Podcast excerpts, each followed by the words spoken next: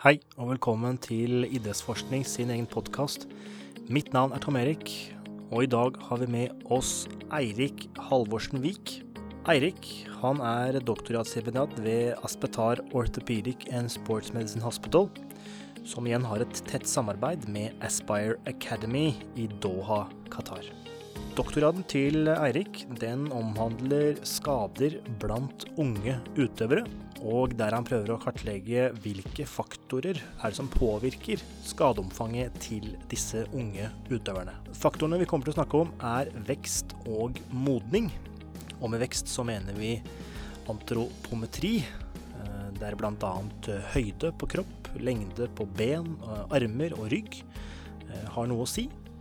Og med modning så snakker vi ofte om skjelett, og hvor gammelt eller hvor modent skjelettet er. Og eh, hvordan disse faktorene har noe å si for skaderisiko.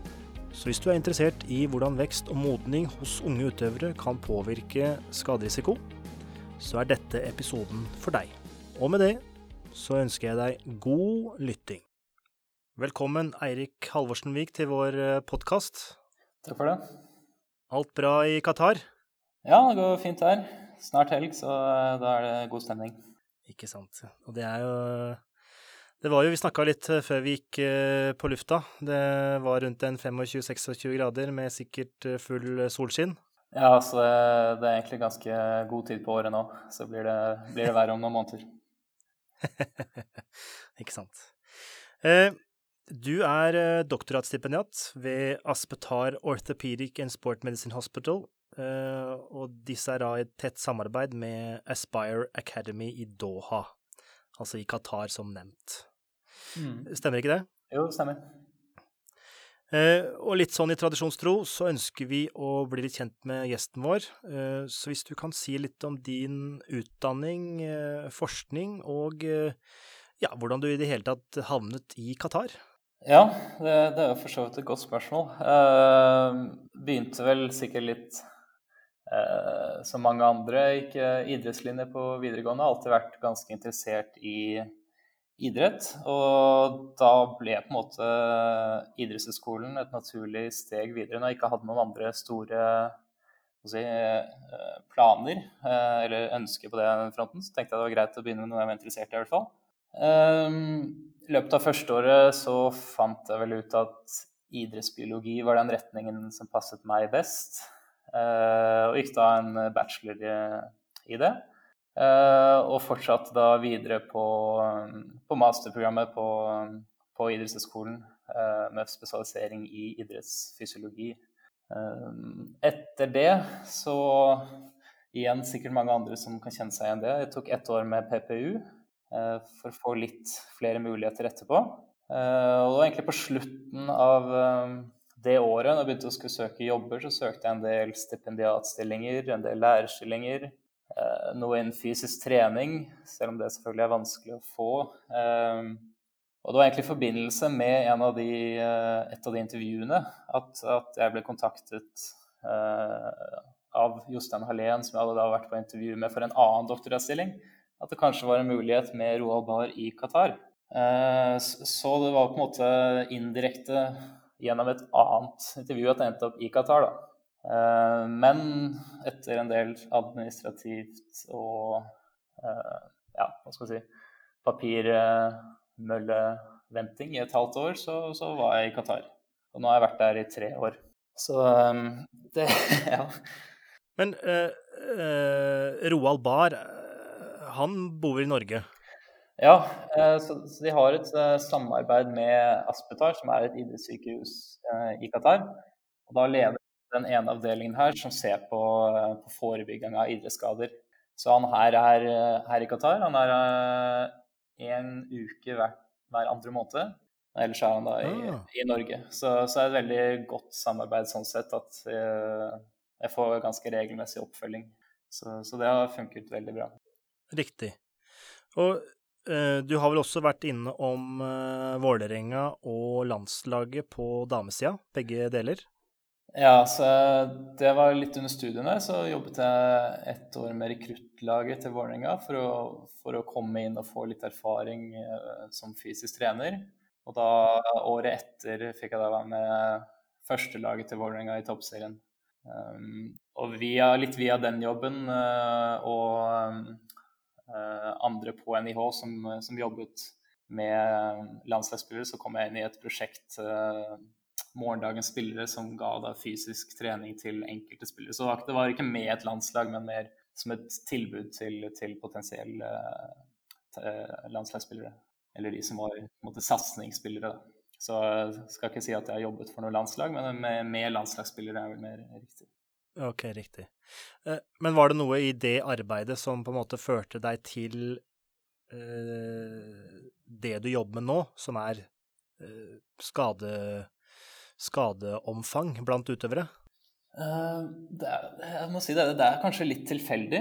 Det går litt på muligheter som dukker opp. Jeg var på masteren så jobbet jeg i samme prosjekt som Live Luteberget, som dere snakket med for noen måneder siden. Så, så jeg jobbet mye med treningsbelastning der og, og, hadde egentlig det som fagfelt. Og så henger jo det litt sammen med skader. Um, så da blir man jo kanskje litt uh, attraktiv på begge sider. Og da, da, var det egentlig bare en mulighet som dukket opp, og jeg syntes det hørtes interessant ut. Og det, det, var egentlig en mulighet jeg ikke kunne si nei til. Uh, selv om det er litt, kanskje litt et brått steg å bare flytte til Qatar, men, eh, men, uh, jeg følte at det var en veldig god mulighet. Da. Riktig. Men uh, du jobber sikkert med Eller jobber du med flere andre nordmenn eller folk fra Skandinavia? Det er faktisk veldig få i Qatar nå som jeg jobber med, i hvert fall. Det er et par fysiske trenere, en fotballfysiolog som har kommet nå i januar. Men ellers så er det veldig få nordmenn.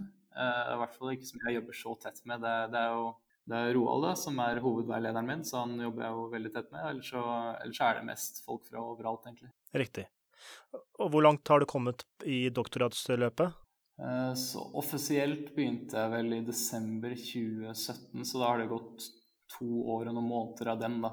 Uh, så, så, er det litt vanskelig å si akkurat når det begynte å slutte, for jeg, jeg er ansatt her nede så, i en ph.d. slash postgraduate researcher-stilling. Så jeg er på en måte ansatt som forsker her nede, og så følger jeg NIH sitt program. Da. Så jeg er eksternt finansiert, ekstern kandidat ved idrettshøyskolen. Så det er en litt sånn spesiell ordning på det. Så um, ja. hvis, man, hvis, man, typisk skal ha fire artikler publisert, så har jeg publisert to, så da kan man si at du i hvert fall har kommet i hvert fall halvveis. da. Så kan jeg håpe at det går litt fortere med siste halvdelen enn første halvdelen. Eh, som nevnt så driver du med Eh, skader blant unge utøvere. Hva er det det Hva, hva handler egentlig det om? Eh, så det prosjektet jeg ser på, det er egentlig ganske et bredt prosjekt. Men eh, det vi prøver å se på, er for hvilke skader eh, som oppstår, men også de måte, unike risikofaktorene for skader som, som, finnes blant unge utøvere. Så vi har sett mye da på vekst og modning, og prøvd å se det opp imot skade, skadeinsidens og, og, og, varighet og sånne ting. Så vi prøver på en måte å, å finne en link mellom eh, vekstmodning og skader, for å si det enkelt. Ja, og eh, hva finner dere da?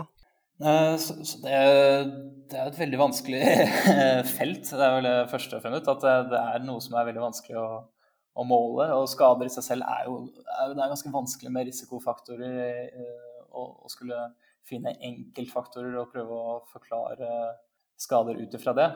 Men, men, det vi ser, er jo kanskje noe som er blitt antydet tidligere og funnet i andre studier, er at det kan henge sammen med rask vekst eh, og lavere modningsgrad er kanskje de store faktorene man ser, da, hvis man ser i.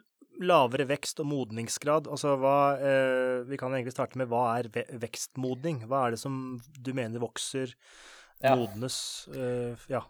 Så ja, det kan jo kanskje ta litt uh, teori på det først. at uh, Sånn på forskningen så, så, skiller man ofte mellom vekst og modning. At man ser på de som to ulike ting.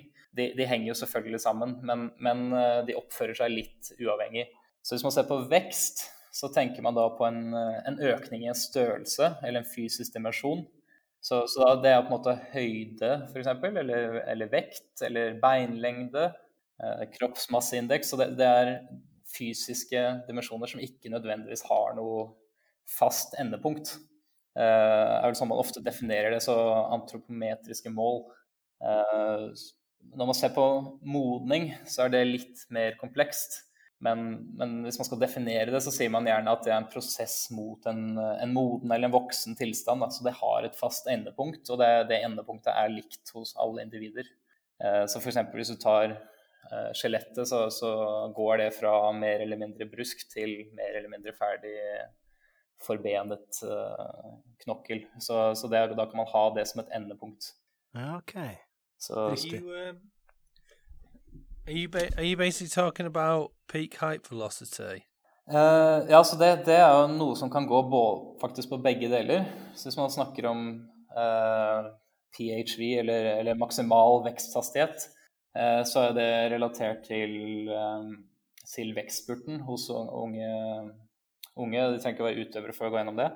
Men det er jo både relatert med en periode med veldig rask vekst, som kan måles da med antropometri, men så kan man også bruke tidspunktet på den, eh, den, eh, den raskeste veksten, altså PHV eller peak height velocity. Det kan man jo sammenligne med andre utøvere for å se, sammenligne modningsgrad. Eh, så en, en utøver som, som når maksimale veksten tidligere, kan man da anta modnes tidligere og er på en måte lengre fremme i sin modningsprosess enn en som når vekstspurten senere. Så, så vekst kan være et, er et slags indirekte mål på modning? Det, det kan brukes. altså Da, da ser man da på kroppslig modning eller somatisk modning, hvis man bruker vekstspurten. Eller så er det jo også mulig å se på seksuell modning, eh, eller skjelettmodning, som, som, er det vi bruker. da. Men eh, de er kanskje litt mer eh, litt vanskeligere å, i praksis. Men oh, you have a question, Matthew? Uh, I was just gonna. I was just gonna say what um, I did in a club, and I've talked about this before um, at some seminars. When I was working in youth football, we basically just measured. Well, we tried to estimate peak height velocity using uh, Mervald equations. So it was just uh, standing height, sitting height, and weight. And that seemed to give us a pretty good idea of um, uh, maturity status. So it gave us a good idea of when they was going to be at peak height velocity. So, um, what do you? Uh, I've I've been at a seminar before where basically I'm talking about just using a tape measure in a chair, and others have talked about using X-rays for skeletal maturation. So I suppose my question is like, my me- the method I use is very low resource, but do you think it's suitable or not? to just measure standing height and sitting height and use indirect equations? Mm, ja, så det, det, det, er jo to spørsmål på det. Hva, hva, er det som best måler modning? Det, det, er nødvendigvis ikke de samme målene som er de som er praktisk uh, tilgjengelige for de fleste. Så, så den Mirwald-ligningen, det, det, er noe som kan brukes for å estimere om man er tidligere eller før eller etter vekstspurten. Så det, det, er jo, selv om det er en del usikkerhet knyttet til det, så, så, kan man jo bruke det for å ha Det er jo bedre enn ingenting, mener jeg, da. Eh, en annen variant er å bruke en ligning som eh, også tar i bruk eh, foreldrenes høyde. Og da kan man se på hvor stor prosent av eh, voksen eller forventet voksen høyde man er. Og Da kan man også bruke det som en indikasjon på modning. Det, så det er jo to som er på en måte ganske praktisk anvendbare, hvor man bare bruker uh, måling av høyde og sittende høyde. Da. Og da eventuelt uh, vekt og foreldres høyde. Uh, relativt enkelt. I was just going to say, that's what we were trying to that's what I wanted to implement in our club if we could measure parents' heights. But obviously, that's quite difficult to do. but um, we there's a kind of um, it's like an old wives' tale that goes in football scouting and stuff. And what what uh, some people look at is they basically look at how tall somebody's mother is when we're thinking how how high will that kid be when he gets to be 18 in a youth team. And some people suggest, well, I've never seen a child be shorter than their mother. So I just look at how tall the mum is and know that at least we're not going to be that tall. which I don't think is valid. Nei, det, det, det, er jo noe genetikk involvert da, i høyde, så, så det, jo, det, ligger jo sikkert noe i det. Uh, eller det ligger jo helt sikkert noe i uh, foreldrenes høyde, men det, ja, hvor, hvor, nøyaktig det er, det, det, er jeg ikke helt sikker på. Men, men, det er det de bruker i veldig mange klubber. F.eks. i England da, så bruker de en ligning i hvert fall, da, som bruker foreldrenes høyde for å estimere hvor, hvor høye folk kommer til å bli. så det, det, er noe man kan bruke i praksis. Hvilken metode er det du bruker for å måle vekst? Eh, så for å måle vekst, så, så bruker jeg, jeg bruker data som er samlet inn over fire år. Og da, for å måle vekst, så ser vi rett og slett på hva var den faktiske endringen i vekst. Så det er jo ikke så veldig nyttig hvis man skal predikere en spillers utvikling framover i tid, men det er jo veldig fint når man kan se i ettertid og se hvor mye var det de faktisk vokste, og hvilke skader fikk de i den perioden. Så, så, for mitt formål så er det helt greit å, å, bruke data som er allerede samlet inn, og da har man jo en veldig god et veldig godt mål på hva som faktisk skjedde. Og man slipper å tenke ok, hva, hva kommer til å skje om, om, om et år eller to. Uh, og så har vi i tillegg da muligheten til å få skjelettalder med røntgen, som du meldte tidligere. Uh, nei, ja, nevnte tidligere. Uh, hvor man da ser på eh, utviklingen av knoklene i håndleddet, mer eller mindre. Da kan man få en, en, et godt inntrykk av hvor langt i modningsprosessen man har kommet, og om man er før, tidligere eller senere enn forventet i forhold til sin kronologiske alder. Men også, da kan man også få et estimat på voksenhøyde. Riktig. Men øh, dette her er veldig langt fra mitt øh, fagfelt. Øh, men når jeg ser for meg et skjelett Eh, eller et røntgenbilde, så er det svart og hvitt, eller blå-ish. Hva er det du egentlig ser etter på dette bildet som kan avgjøre hvor uh, ja, hvor i vekstperioden du er, eller hvor uh, ja, jeg vet ikke hva jeg skal kalle det, hvor voksen du er, eller hvor gammel du er. Mm. Hva er det man egentlig ser etter? Nei, så, så det Prinsippet er at uh, knoklene går fra mer eller mindre brusk til mer eller mindre ferdig uh, mineralisert knokkel, voksen knokkel. Da. Og det kan man da se på, på et sånt uh, røntgenbilde. Og da ser man også vekstplaten uh, i håndleddet og forskjellige vekstsoner i, i, i, knoklene i håndleddet. Og så kan man da bedømme hvor langt man har kommet i den prosessen. Men uh, nå, er det ikke jeg personlig som har sett på disse bildene. Det, vi hadde en som uh, var ekspert på det, som gjorde det. Og nå, nå gjøres det via programvare. Men, men, det er prinsippet at man går fra brusk til knokkel. Og eh, langs det, ja, så, så, har man noen referansepunkter og målinger som man kan bruke da, til å se hvor langt man har kommet i den prosessen. Riktig.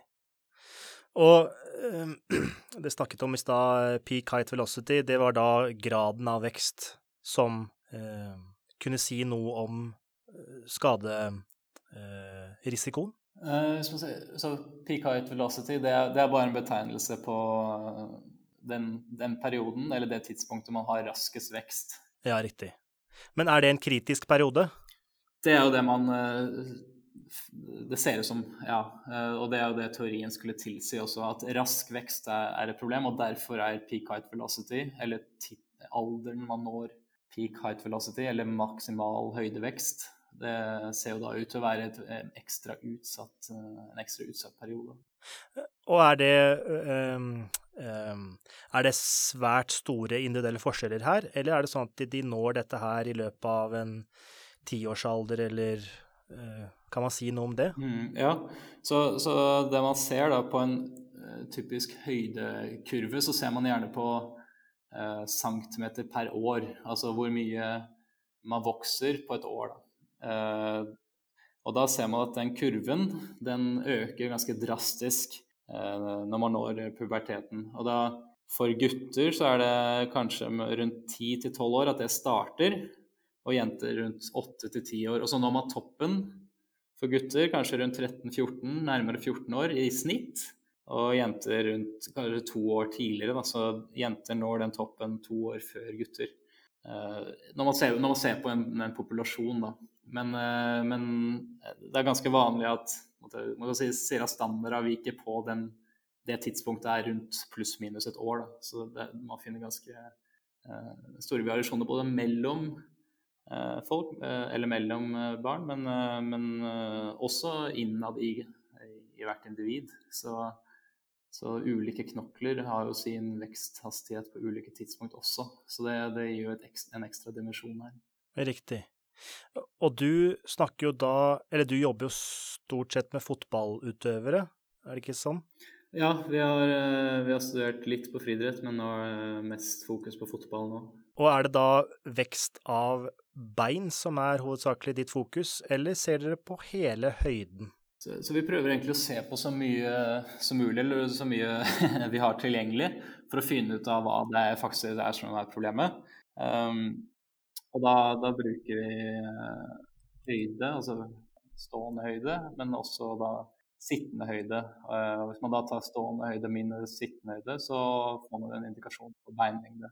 Uh, det det kan se ut fra den studien vi hadde på friidrett, er jo at beinlengde er litt mer relevant enn hele kroppen. Og at overkroppshøyde ikke er så veldig viktig.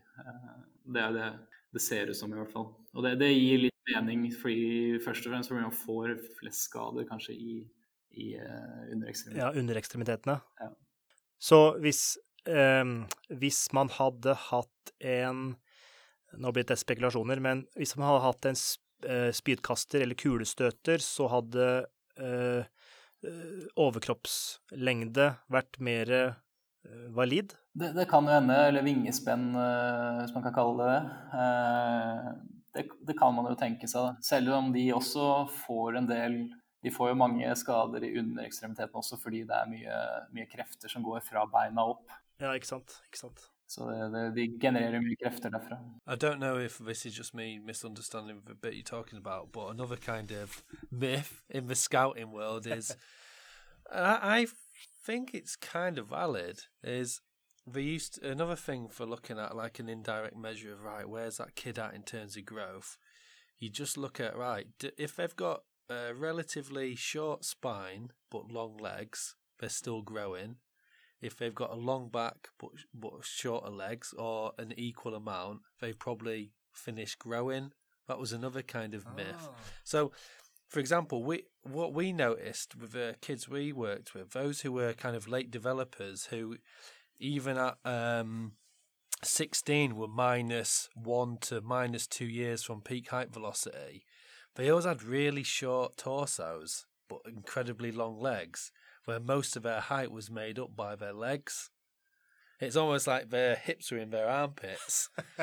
but then, like the kids who were the early developers had a pretty balanced uh, relationship where 50% of their height was their torso, 50% of their legs, or they was had a pretty long torso and shorter legs. I don't know how valid that is. That's just more of a field based observation. Yeah. And again, one of those kind of things scouts would look at. Mm. Ja, det, det, har jo litt rot i virkeligheten. Så, så det nevnte kanskje litt kjapt tidligere at, eh, at veksten eh, ofte starter man, man, følger en sekvens da, fra, fra bunn til topp. Så begynner fot, ankel, eh, legg, kne og oppover, da. Og så eh, ser man veksten i overkroppen, eller eh, hva kaller man det, eh, ryggsøylen etter eh, beinlengden. Da. Så det, det, gir jo mening sånn om, om, man kan se det med øyet, det, det er jo en annen sak. Men, eh, men i teorien gir det jo, gir det jo mening.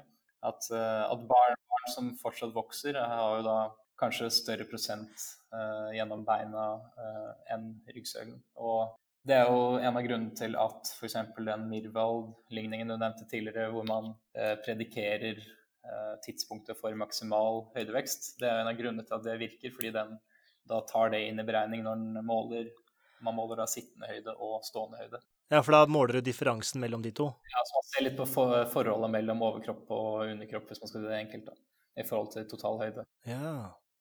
So it's not bad. If you know, for example, with us in Sogndal, where there's lots of youth footballers, that's quite an easy thing to mention to a coach who, for most of the people who are coaching youth athletes, are volunteer parents. That's quite an easy thing for them to understand the relationship between their rig, uh, back, and their legs. Yeah. Ja, uh, man kan i hvert fall ha det litt i bakhodet. Som sagt, jeg vet ikke om man kan se det med det, med det blotte øyet, men, men uh, ja, det har jo litt rot i virkeligheten. i hvert fall. Mm. Så uh, hvis da en trener, uh, f.eks. her i Sogndal, tar disse målingene av bein og, og overkropp, og finner ut at ja, ok, vedkommende har veldig lange bein og veldig kort overkropp, og personen er elleve år. Og så ja, ok, forholdet mellom overkropp og underkropp, uh, stor forskjell. Uh, hva, hva, skal denne treneren bruke dette her til? Hva, er det noe man må passe på med tanke på belastning? Eller ja, hva skal det brukes til? Ja, det er jo det gode spørsmålet. Det er jo veldig fint men når man bare ser på risikofaktorer og ser på data som allerede er samlet inn og skader som har skjedd. Da, da slipper man egentlig å tenke på det. Uh, men det er ikke så veldig, ikke så veldig praktisk anvendbart.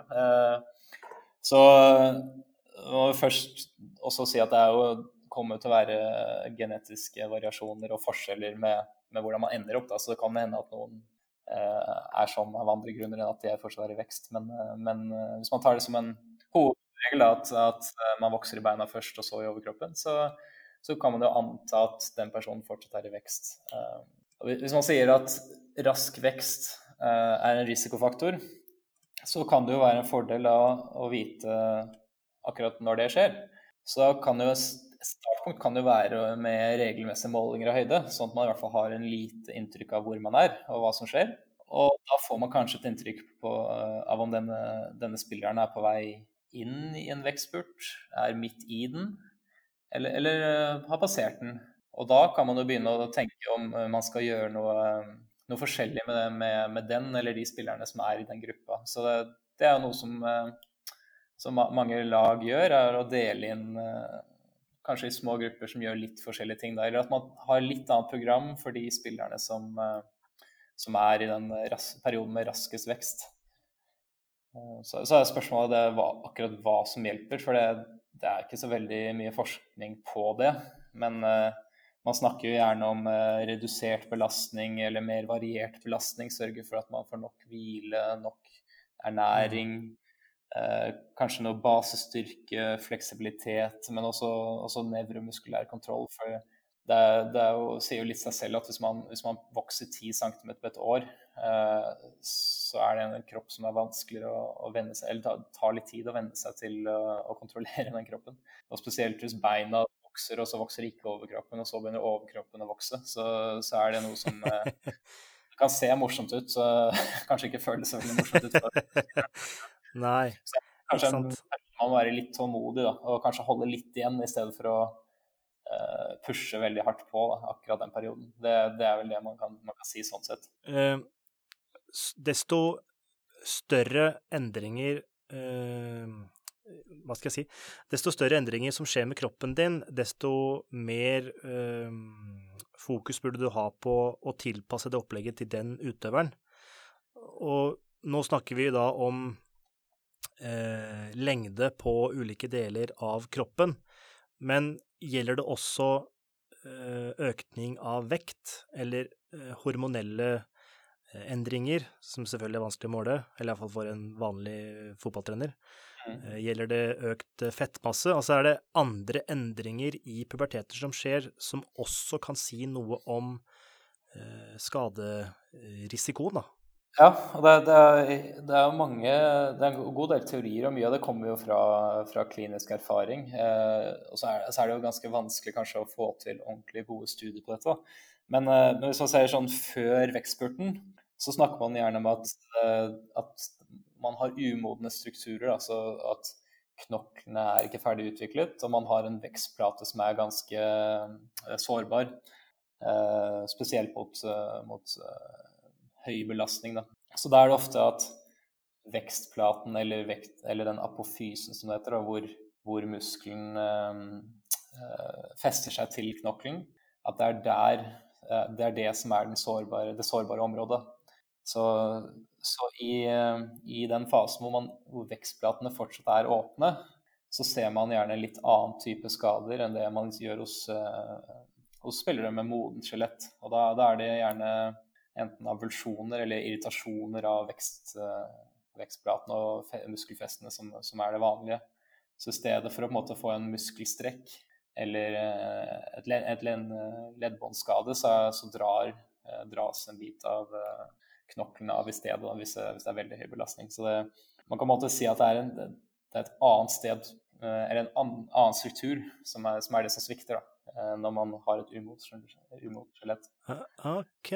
Men eh, hva er det du legger i høy belastning? Fordi det er jo eh, litt sånn diskusjoner, og jeg trodde den på en måte myten var død, men eh, tung belastning i form av uh, høy motstand, altså i styrketrening, er ikke bra for barn fordi det lukker disse vektskivene, og de slutter å vokse. Er det det du snakker om, eller snakker du litt mer nyansert? Det er nok litt mer en myte, ja. Det fleste, det meste forskningen sier at det, det, er så lenge man har god progresjon, man er ellers frisk og får nok mat, eh, så, ikke, så, så skal man ikke kunne forandre veksten hvis man ikke gjør noe helt ekstremt. Um, så det, det, er mer det at um, Hva skal vi si? Uh, jeg mista litt tråden her, men uh, Ja, altså denne, denne, skaden som skjer på disse vektskivene, hva slags konsekvens har det? Ja, Nei, så, så, det er mer skader i de områdene. At man får irritasjoner i, i muskelfestet eller apofysen, eh, eller at den blir helt dratt av. Eh, så ved Og når jeg sier høye belastninger, så mener jeg kanskje ting som ellers ville ført til, til en strekk. Da. Eh, høye, større krefter, da. At å snakke mer om kanskje repetitiv belastning og mye, mye lik belastning heller enn at man snakker om sånn, sånn kjempetung vekt, men det, det, går jo litt på, på idretten. Men det er, det er, ikke veldig mye forskning på det, akkurat det området. Nei. Men konsekvensen her er ikke at du slutter å vokse, høydemessig?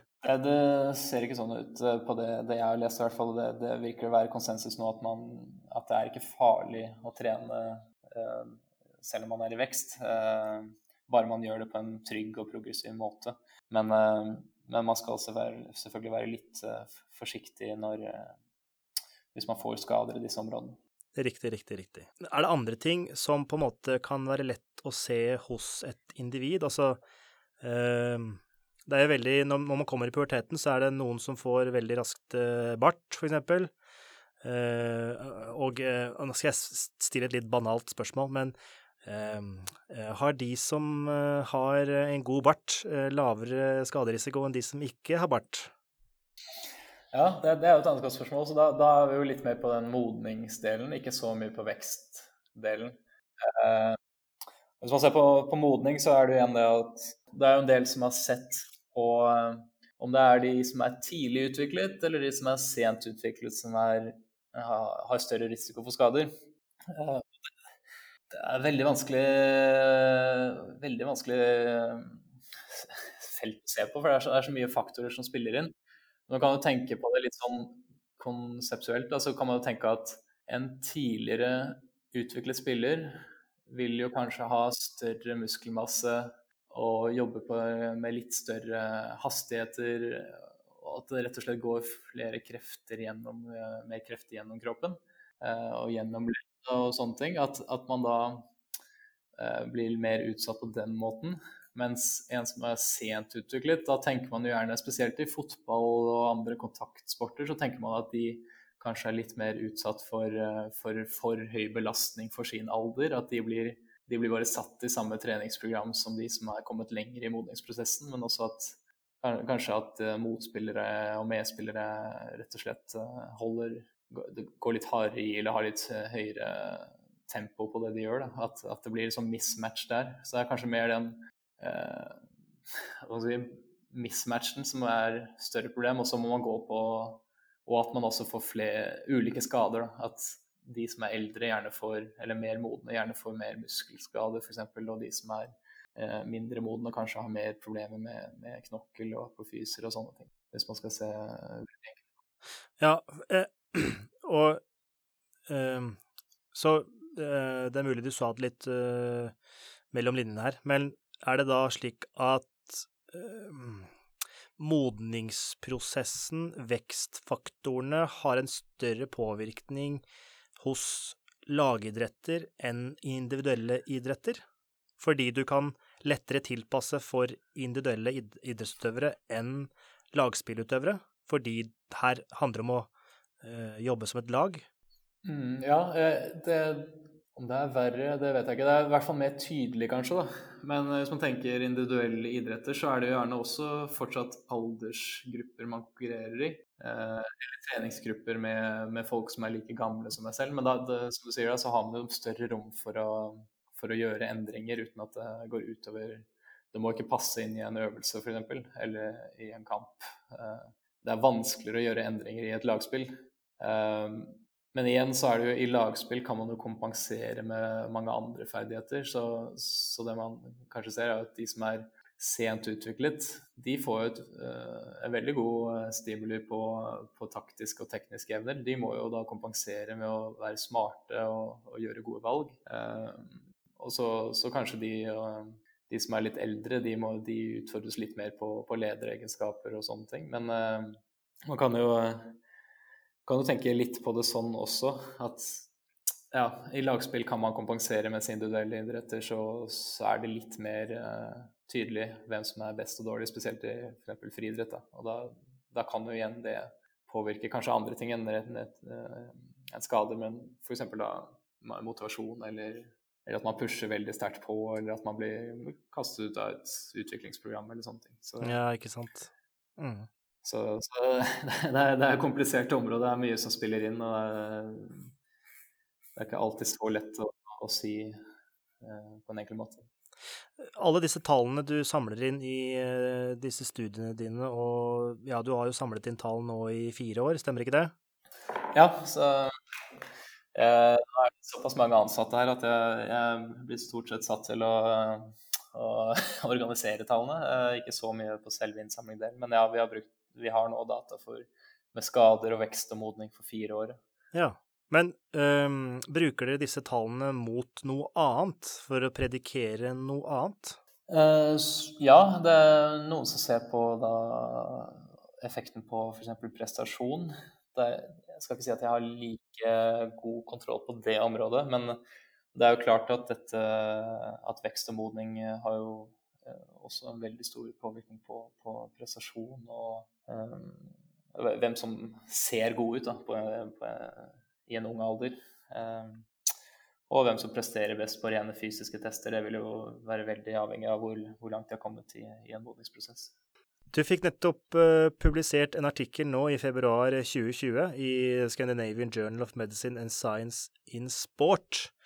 Uh, kan du fortelle litt om hva denne artikkelen handler om? Ja, så, der gikk vi jo litt inn på noen av de risikofaktorene vi, vi, har snakket om tidligere. At vi prøvde å da se på veksthastighet. Eh, vi prøvde å se på skjelettalder ved starten av sesongen. Og så prøvde vi å se på da endring i skjelettalder over en sesong. Det er ikke så mange som har sett på før. Så kan jo ta de litt for seg, men vi så jo da på en gruppe med friidrettsutøvere som ikke var spesialisert så i friidrett er det jo veldig stor forskjell avhengig av hva man spesialiserer seg i. Da. Så det er jo derfor litt den grunn eh, vi ikke så på de som var spesialisert, men også at man spesialiserte på et tidspunkt hvor de aller fleste var modne eller forbi vekstspurten. Så da, da forsvant egentlig hele poenget. Så, så, det vi så på, da vi målte for å si det enkelt, så så vi da på de som hadde høydemåling på starten av sesongen. Og så så vi på høyden på slutten av sesongen. Og så så vi hvor stor forskjell det var der. Og så så vi på da sammenlignet med, med resten av gruppa, de som da var ett standardavvik, eller en, ja, et standardavvik over snittet, om de hadde da større eller lavere risiko for skade. Og da, da kunne vi se da at de som, eh, de som vokste mer enn snittet, var da mer utsatt for, eh, for knokkelskader, eh, og, og, da spesielt vekstplateskader. Og så så vi også da, når vi så gikk inn på, så på beinlengde, eh, så så vi de som hadde raskest vekst i beinlengde, de var også utsatt for De hadde også større risiko for alle typer skader. Hvilke skader er det du snakker om da, egentlig?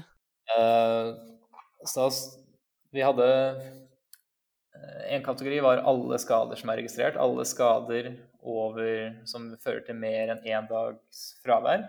Mm -hmm. og så klassifiserte vi også på struktur, så vi så på alle skader som involverte eh, knokler. eller skjelettet. Alle skjelettskader er vel bedre å si. Og så hadde vi også en undergruppe av det som var da vekstplateforstyrrelser eller skader, så type apofysitt og sånn osgood-slatters, severs og sånne ting. Uh, og da, da, så vi jo at de som vokste mer enn en snittet i gruppa, de, de, var mer utsatt for skjelettskader og vekstplateforstyrrelser. Eller vekstplateskader. Ehm, så det var den ene tingen vi så på. Da. Så kan man på en måte si ok, rask vekst, og da spesielt kanskje i uh, underekstremiteten, det, det, ser ut til å ha en uh, påvirkning på, på skaderisiko.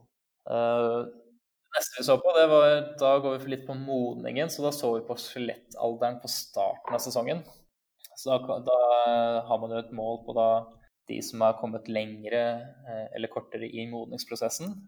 Um, og igjen da så så vi da at litt sånn som teorien skulle tilsi, at uh, de som har lavere skjelettalder ved starten av sesongen, de er mer utsatt for, da, uh, for vekstplateskader. Og det, det, gir jo litt mening, det sier litt seg selv, at hvis man er skjelettmoden, så, så, er det ikke så mye vekstplate igjen, kanskje. Ja, ikke sant. Så, ikke sant.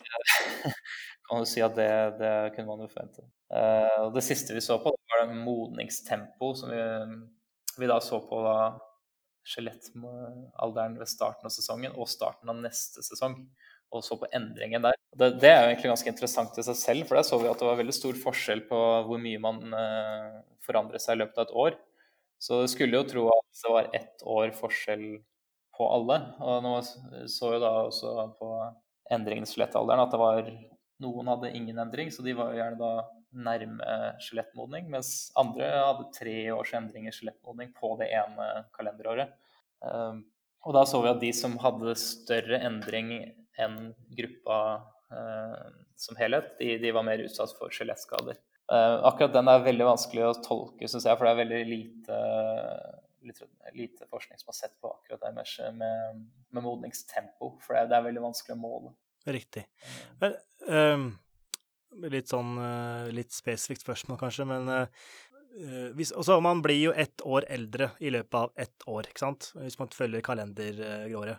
Men kan skjelettet bli to og tre år eldre? Ja, så det var det vi så, da.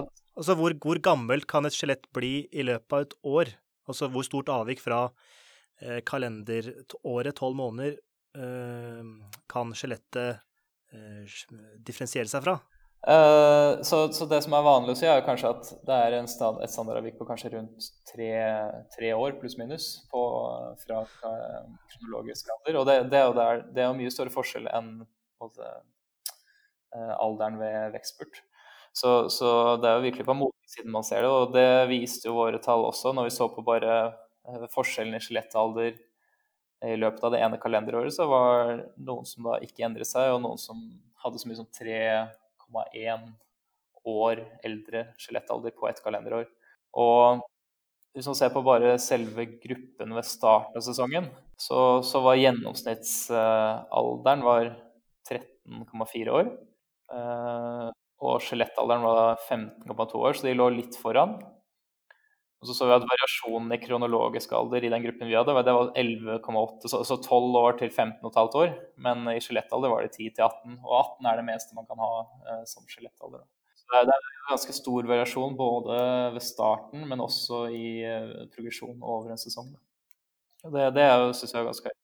Men hadde de personene som hadde opptil 3,1 år modning av skjelett, et lavere utgangspunkt? Og så var de nede på Jeg husker ikke differansen her, fra 18 til 13, eller hva du sa. Ja, så, så, det er jo noe av det vi, vi også tenkte, at eh, ok, kanskje, kanskje, de med høyest endring, altså de som har vokst, eller modnet mest i løpet av et år, kanskje det bare er fordi de startet lenger unna. Hvis man starter på 17, så kan man bare gå til 18.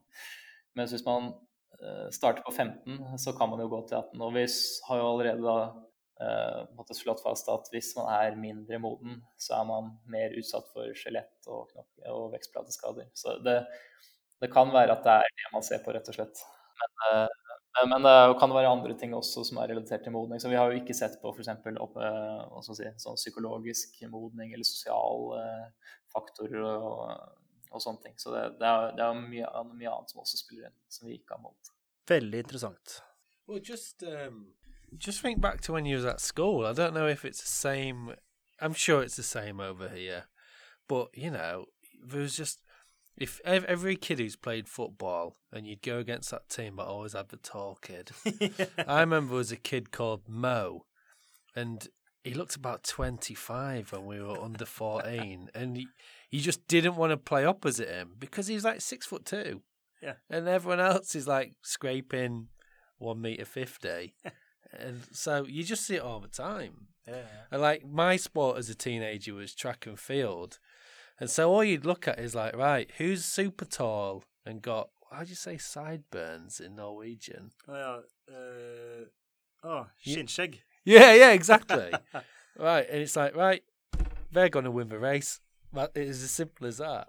But just look at, I suppose what I'm saying is just look at any uh, ungdom school class, and the height is just so varied, isn't it? Yeah, yeah, yeah. Ja, så det er, det er, jo litt det som er uh, interessant i den perioden, at når man når puberteten, så, så skjer alt på ulike tidspunkt eh, mellom uh, individer. Så da får man disse kjempestore forskjellene, og det, det, blir jo egentlig ganske tydelig. Så de fleste har jo sikkert sett dette her, uh, uten å tenke kanskje over at det kan påvirke skaderisikoen. Når det kommer til vekst, så vokser jo på en måte ulike deler av kroppen i ulikt tempo. Um, og er det noe Hvordan er skadeomfanget når det er såpass ulikt tempo på de ulike delene av kroppen? Uh, ja, så det, det, er jo det som er litt uh, interessant. At uh, man gjerne ser vekst, vekstplateskader og, og, disse vekstrelaterte skadene på, i forskjellige kroppsdeler i forskjellige aldre. Det betyr at man, stav, man tenker på en måte at man modnes fra bunnen til toppen. Og det er også grunnen til at man ser f.eks. Severs disease, eller en vekstplateskade i hælen, eh, gjerne først. Så eh, spillere enn man da ser hos de som da får f.eks. Oscar Slatters, eller Slatter som man sier det ofte, som da kommer på en litt eh, senere alder. Og så på en måte jobber det seg oppover, og så får man gjerne noen plager kanskje i hofte- eller lyskeområdet. Og, og, blant de siste knoklene som, som modnes, er jo vet ikke hva det heter på norsk, pubis, eh, pubic eh, bone. Og da, da, plager der kan man jo gjerne se hos, hos spillere som man skulle tro var, var ferdig med vekst og modning. Fordi de knoklene er senest til å, å modnes. Så, så, det er jo sånn man kan være litt obs på, kanskje, man, hvis man skal tenke hvilke skader man skal se etter hos barn og unge i vekst. At man kanskje tenker litt på at uh, det, det, vokser seg oppover, sånn sett.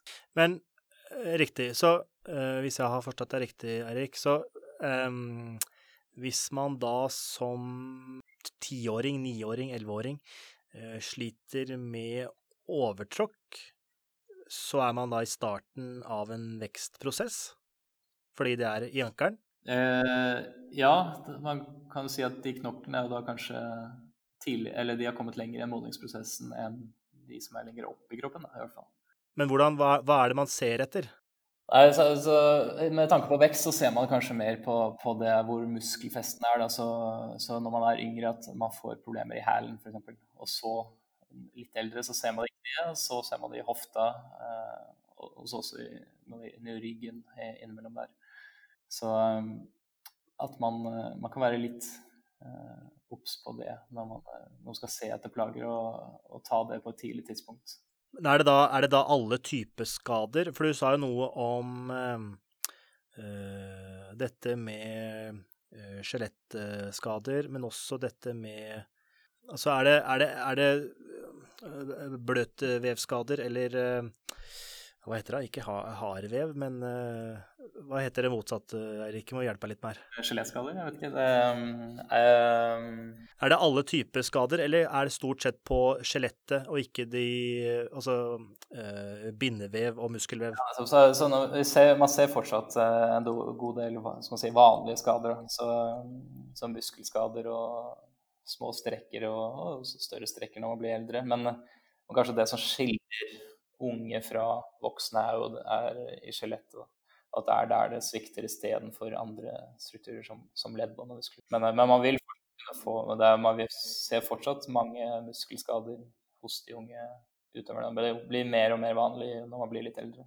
I hvert fall ifølge det vi Så igjen litt eh, banalt. Så hvis man får en bløtvevskade, altså en strekk, så eh, og man har fått den strekken mest sannsynlig pga. stor belastning eller høy, eh, mye krefter, da, så kan det være et eh, tegn på at i hvert fall eh, kne, hofte er eh, i ferdigvekst, eller i hvert fall lengre det er, det er, et positivt tegn, da.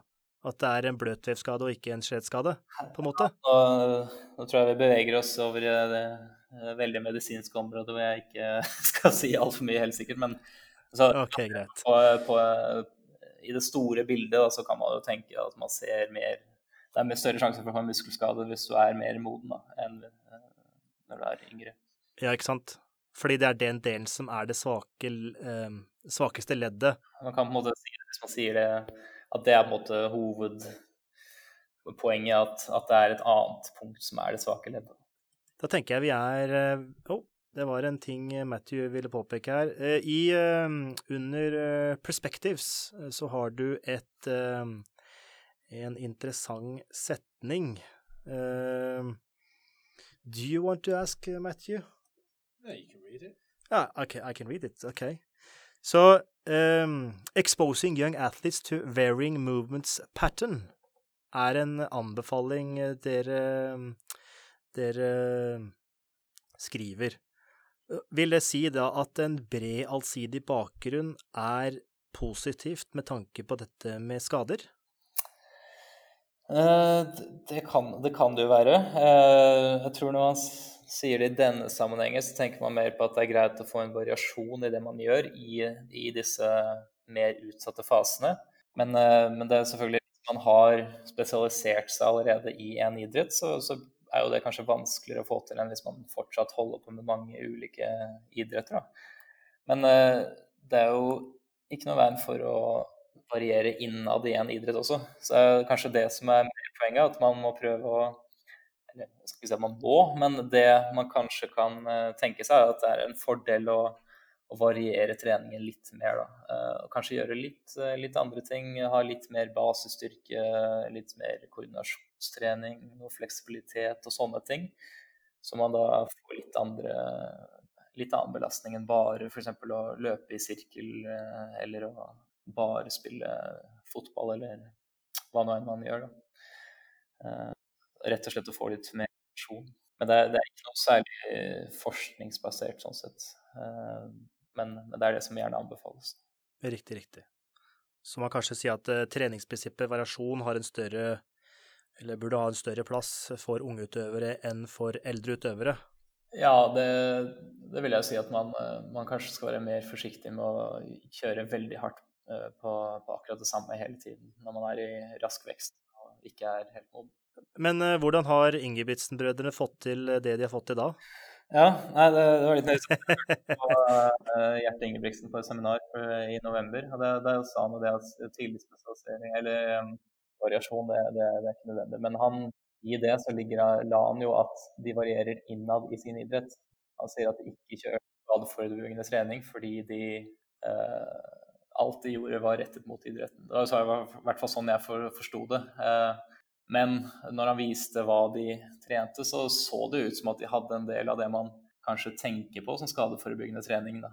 Eh, men at man tenker på det som noe prestasjonsrettet. Og det, det kan jo være en stor fordel. Så i grunn så har det egentlig ikke noe å si om hva man kaller treningen, om man gjør noe under en fotballtrening eller en håndballtrening. Det er jo hva man gjør i den treningen som har noe å si. Så hvis man har en fotballtrening eller en, fotball, en, fotballuke hvor man har stor variasjon innad i idretten, da, så, så, er ikke, så, er det fullt mulig å få til det også. Så man trenger jo Ja.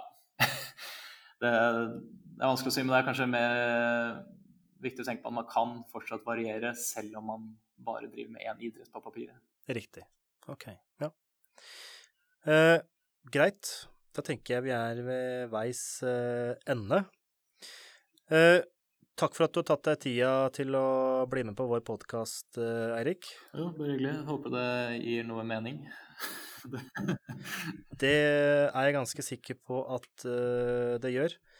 Vi liker jo å være digitale av oss, og det har vi sett at du også er. Uh, hvis folk vil følge din forskning, både som du har gjort og du skal gjøre videre, hvor er det de kan se den? Ja, så jeg prøver i hvert fall å være Alt jeg har gjort, ikke at det er så mye ennå, det har jeg i hvert fall på ResearchGate. Så det, der kan man jo finne der, og så kan man hvis ikke artiklene ligger ute, så er det bare å sende en, sende en melding der. Eller så, så, kan jeg også oss på, på, Twitter, som jeg prøver å være litt aktiv på. Eh, eller så er det bare å sende en e-post også, hvis, hvis, man er interessert i det. Så veldig åpen for spørsmål og diskusjoner, så, så har jeg også veldig mye å lære. Så jeg syns det er vel så interessant å diskutere som å, å prøve å si noe altfor sikkert. Riktig. Så bra. Det var det for denne gang. Takk for at du hørte på, og vi høres om litt.